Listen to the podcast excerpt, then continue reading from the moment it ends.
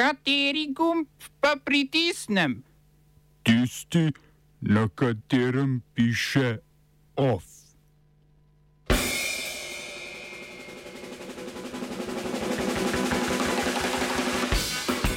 Novi češki predsednik postal upokojeni general Pavel. Izrael z dronskim napadom na tovarno streljiva v iranskem Isfahanu. V kitajski provinci Sichuan dovolili otroke tudi neporočenim. Sova priprla osumljena ruska vohuna.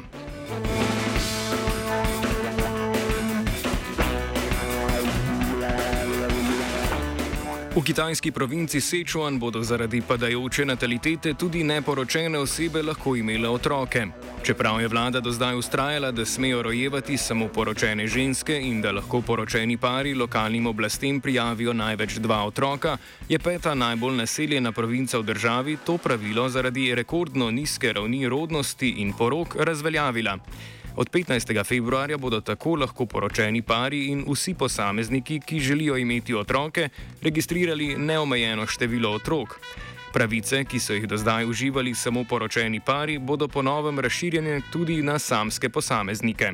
Provinca jim bo zagotovila materinsko zavarovanje za kritje zdravstvenih stroškov in plačan porodniški dopust.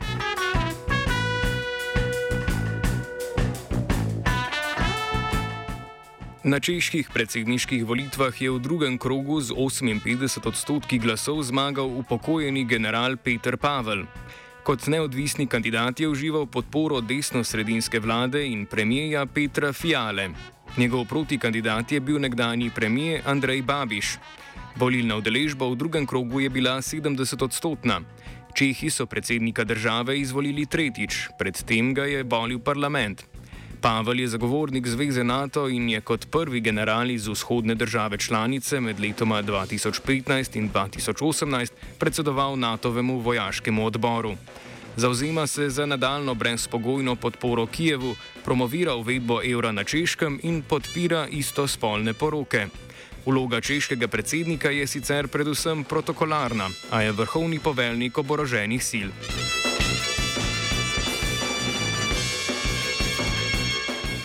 Britanski premijer Rishi Sunak je zaradi kršitev ministerskega kodeksa odstavil generalnega sekretarja konzervativne stranke Nadima Zahavija. Preiskava, ki je bila na Sunakovo pobudo opravljena v preteklih dneh, je pokazala, da se je Zahavi v času opravljanja funkcije finančnega ministra v prejšnji vladi izogibal plačevanju davkov. Davčni upravi namreč ni poročal o prihodkih v njegovem podjetju za javnomnenjske raziskave UGAV, kasneje pa upravljal pa je upravi tudi plačal kazen v višini 5,5 milijonov evrov.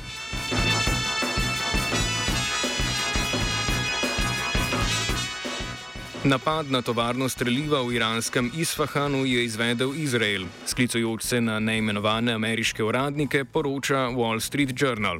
Iranski sistem zračne obrambe je sestrelil eno brezpilotno letalo, dve pa naj bi eksplodirali in lažje poškodovali streho objekta tovarne. Iranski zunani minister Hosen Amir Abdul Ahijan je dejal, da je napad strahopetno dejanje, ki pa ne more zaustaviti zauzetosti iranskih strokovnjakov za miroljuben jedrski razvoj. Napadena stavba leži zraven iranskega centra za vesoljske raziskave, ki je pod sankcijami Združenih držav Amerike, saj naj bi v njem razvijali balistične rakete.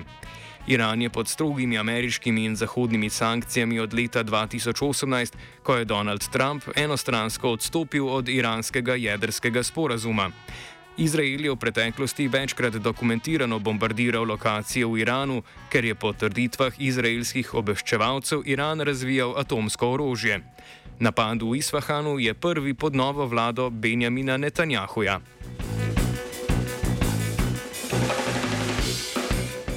Netanjahu je po dveh napadih palestincev v Jeruzalemu napovedal pospešeno izdajanje dovoljen državljanom Izraela za nošenje in uporabo orožja.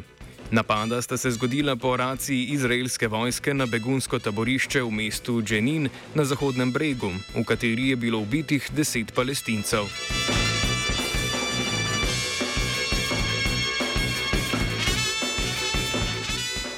Na mesto Rusov bodo v Libanonskem morju nafto iskali Katarci. Libanonska vlada je podpisala sporazum s podjetjem Qatar Energy, italijanskim Enijem in francoskim Totalom.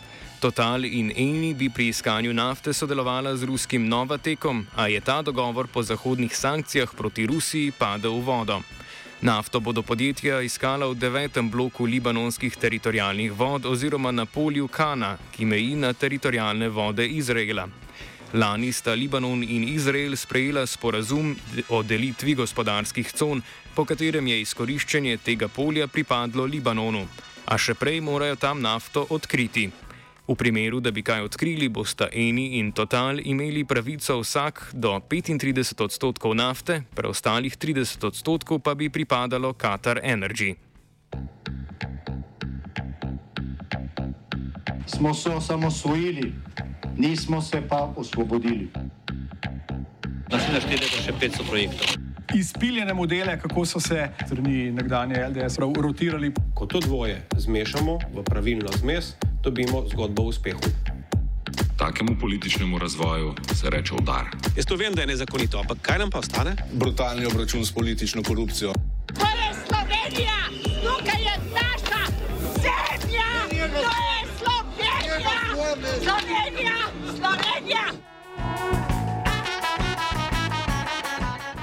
Slovenska obveščevalno-varnostna agencija krajše Sova je v Ljubljani odkrila in priprla dva tuja državljana, ki sta obtožena vohunjenja za Rusijo. Vohuna sta pod krinko podjetnikov z državljanstvom ene od južnoameriških držav delovala v poslovni stavbi Lesnine za Bežigradom. Tam naj bi se ukvarjala s prodajo nepremičnin in starin. Na okrožnem državnem sodišču v Ljubljani so potrdili, da so predkazanski postopek začeli decembra lani, ko so na preiskovalni oddelek Ljubljanskega okrožnega sodišča vložili zahtevo za preiskavo dveh fizičnih oseb zaradi suma kaznivega dejanja vohunstva. Osumljenca sta trenutno v priporu, skupno pa ima grozi 8 let zaporne kazni.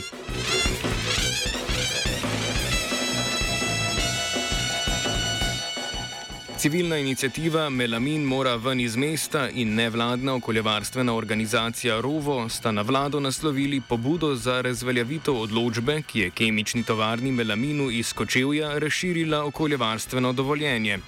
V odločbi je namreč navedenih 63 parcelnih zemljišč, za katere je Melamin pridobil en enotno okoljevarstveno dovoljenje, čeprav se na njih izvajajo različni tehnološki postopki.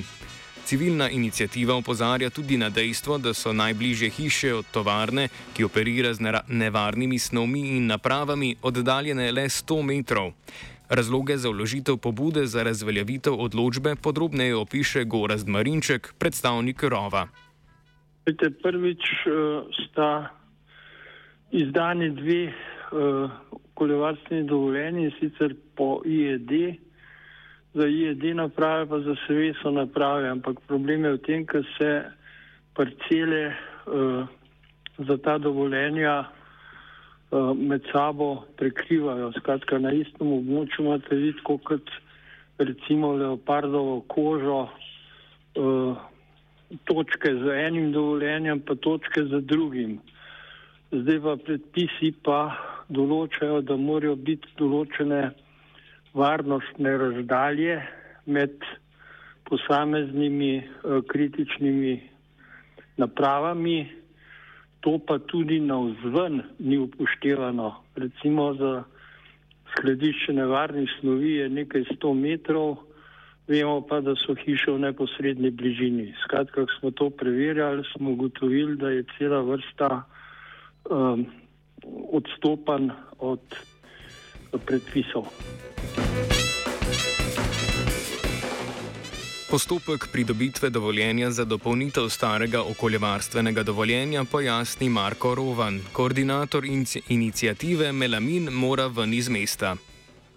Ministrstvo za okolje je leta 2021, ko so dali vlogo za povečanje kapacitet tovarne za eno tretjino, ravnalo povsem v skladu z zakoni in upoštevalo določila, ki določajo tri mnenja, katera so eh, potrebna, preden izdajo eh, dovoljenje za dopolnitev starega okoljevarstvenega dovoljenja.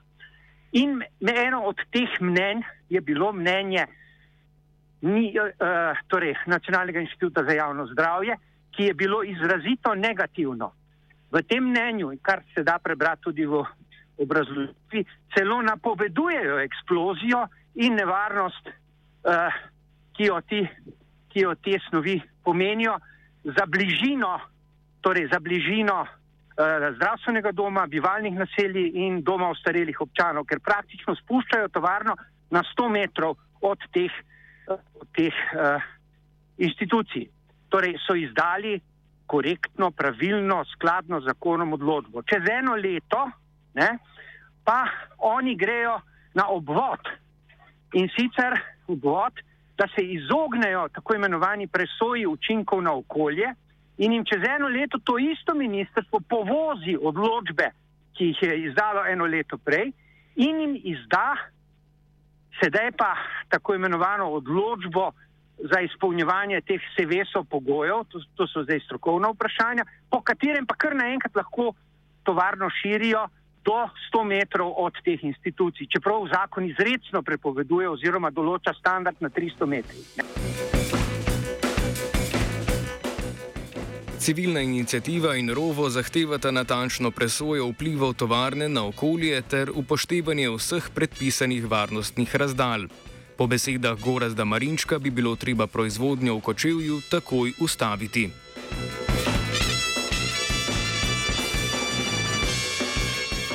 Državni zbor je sprejel novelo kazanskega zakonika. Novela usklajuje zakonik z evropskimi direktivami, med drugim za kaznivo dejanje trgovine z ljudmi uvaja strožje kazni za javne uslužbence, ki sodelujejo v njej. Poleg tega novela vključuje opredelitev zbiranja denarja in drugih materialnih sredstev z namenom, da jih deloma ali v celoti uporabi terorist ali teroristična organizacija kot kaznivo dejanje.